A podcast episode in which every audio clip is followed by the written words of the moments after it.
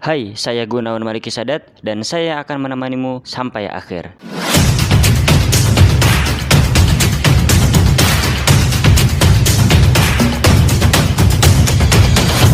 Hai, balik lagi di JMS Podcast episode ke-42 Kali ini aku mau membahas bagaimana cara kamu agar memiliki mentor yang tepat dan bisa membawa kamu untuk menuju goals-goals yang udah kamu tetapkan Kenapa aku mau membahas ini? Karena menurutku pribadi ini sangat penting dan ini wajib buat semua orang, maupun masih muda ataupun sudah tua.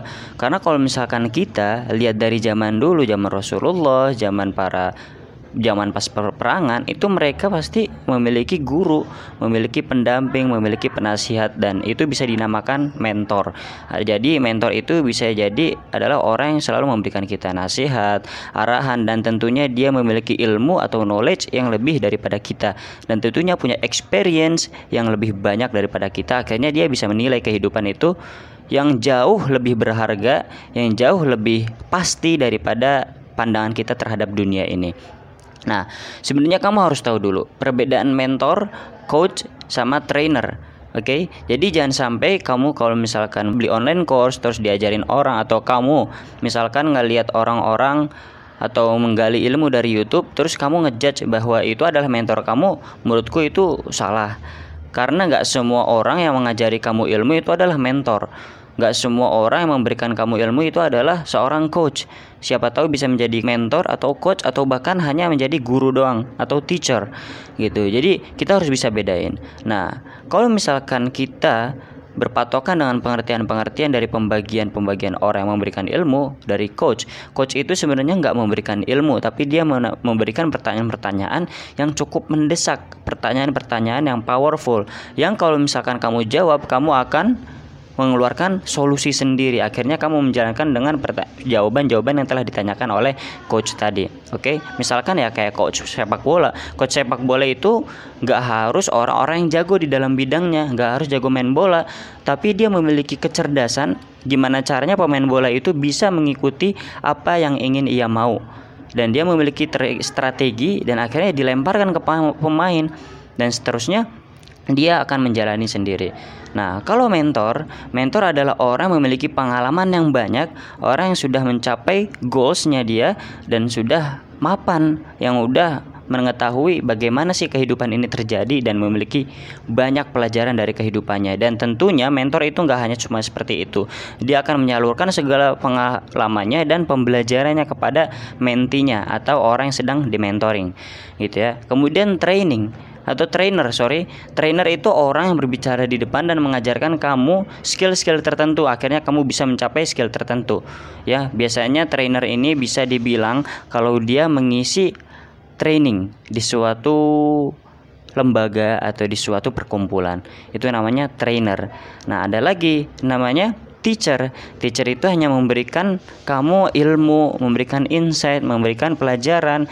Jadi kamu diberikan sebuah pelajaran, kamu diberikan insight tertentu, ya udah kamu dilepas, kamu nggak dibimbing lagi gitu. Tapi bedanya sama mentor itu mentor juga memberikan insight, memberikan pengalaman, tapi dia nggak hanya memberikan saja, tapi kamu dibimbing dari awal sampai menuju goals kamu.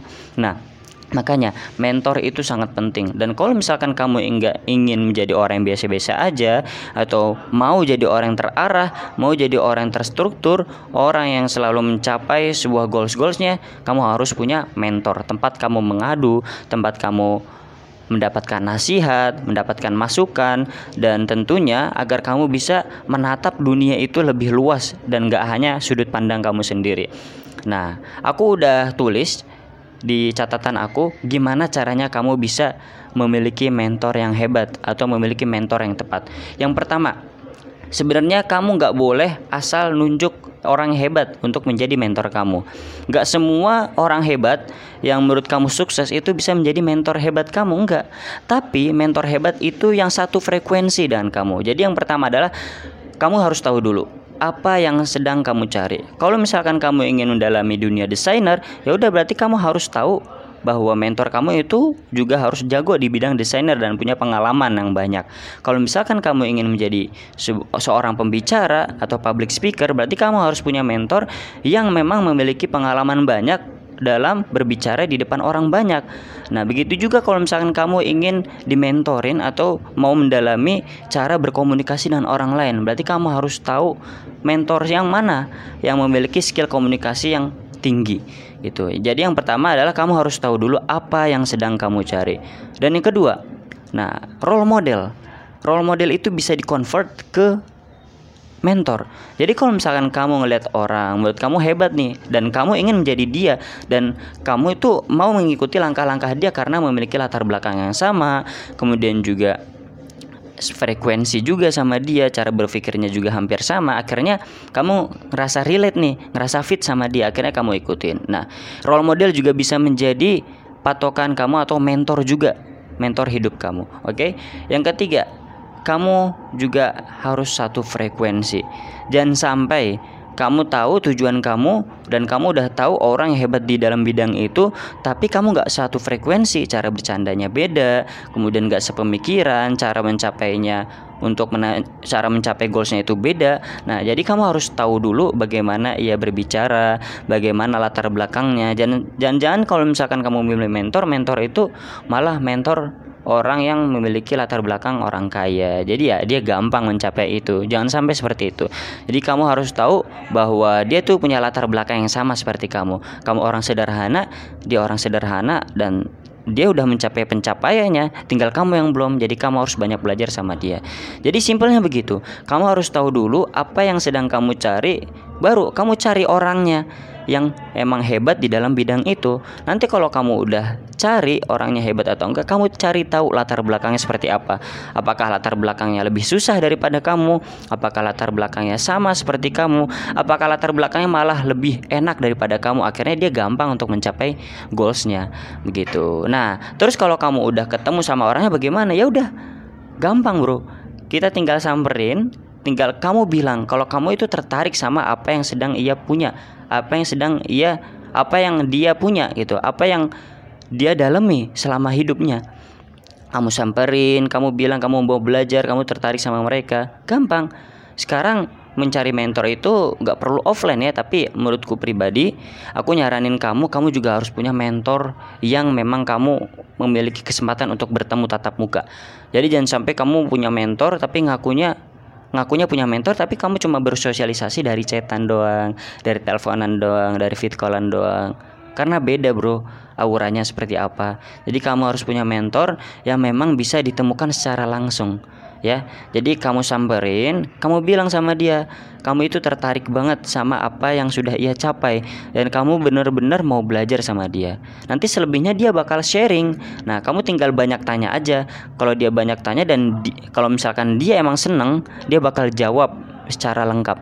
Nah, kamu juga harus ceritain dulu apa yang sedang kamu cari, kenapa kamu tertarik sama dia, dan kenapa kamu harus belajar sama dia, dan manfaatnya apa kalau misalkan kamu men ingin mencapai apa yang sudah ia capai gitu. Jangan sampai kamu cuma mau sekedar mencapai apa yang sudah ia capai doang. Kamu mau cuma menjadi desainer doang tapi nggak punya goals selanjutnya itu jadi kamu harus jelasin juga biar kenapa? Biar seorang mentornya itu bisa membimbing kamu secara jelas dan punya gambaran apa yang harus gua kasih nih ke orang ini. Gitu loh. Apa yang gua harus kasih nih ke menti gua?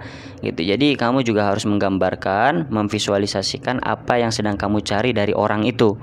Gitu. Nah kalau misalkan udah di accept kalau misalkan dia udah nerima ya udah kamu tinggal jalin hubungan yang baik kamu ngasih makanan, misalnya kamu sering chatan, kamu sering nanya-nanya dan tentunya setiap kamu ngomong sama dia, setiap ketemu sama dia jangan sampai kamu selalu membicarakan kepentingan kamu.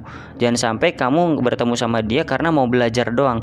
Tapi coba jalin relasi. Kamu cari tahu keluarganya seperti apa, cari tahu rumahnya di mana terus juga perjalanan hidupnya kayak gimana keluarga keluarganya siapa gitu. Jadi kamu nggak hanya deket karena belajar doang tapi kamu juga deket karena emang kamu sudah mengetahuinya dan mengenalnya lebih dalam. Jadi begitu itu simple banget. Dan jangan sampai kamu mengeluh wah mentor gue siapa? Ayo bro jadi mentor gue dong. Nggak nggak segampang itu. Dan sebenarnya nggak sesulit itu untuk mencari mentor. Tinggal kamu jelasin aja kamu tuh mau cari apa kamu tuh mau ngedalemin di bidang apa. Kalau kamu udah tahu itu gampang nanti. Orang itu banyak orang hebat itu banyak. Tinggal kamu cari aja yang mana. Dan kamu juga harus menemukan apa yang sedang kamu cari. Oke, semoga bermanfaat. Oh ya teman-teman semua, kalau kamu ingin request topik atau kamu mau ngasih saran untuk GMS Podcast, boleh kamu klik link yang ada di deskripsi. Nanti kamu akan kirim voice note kamu di situ. Thank you.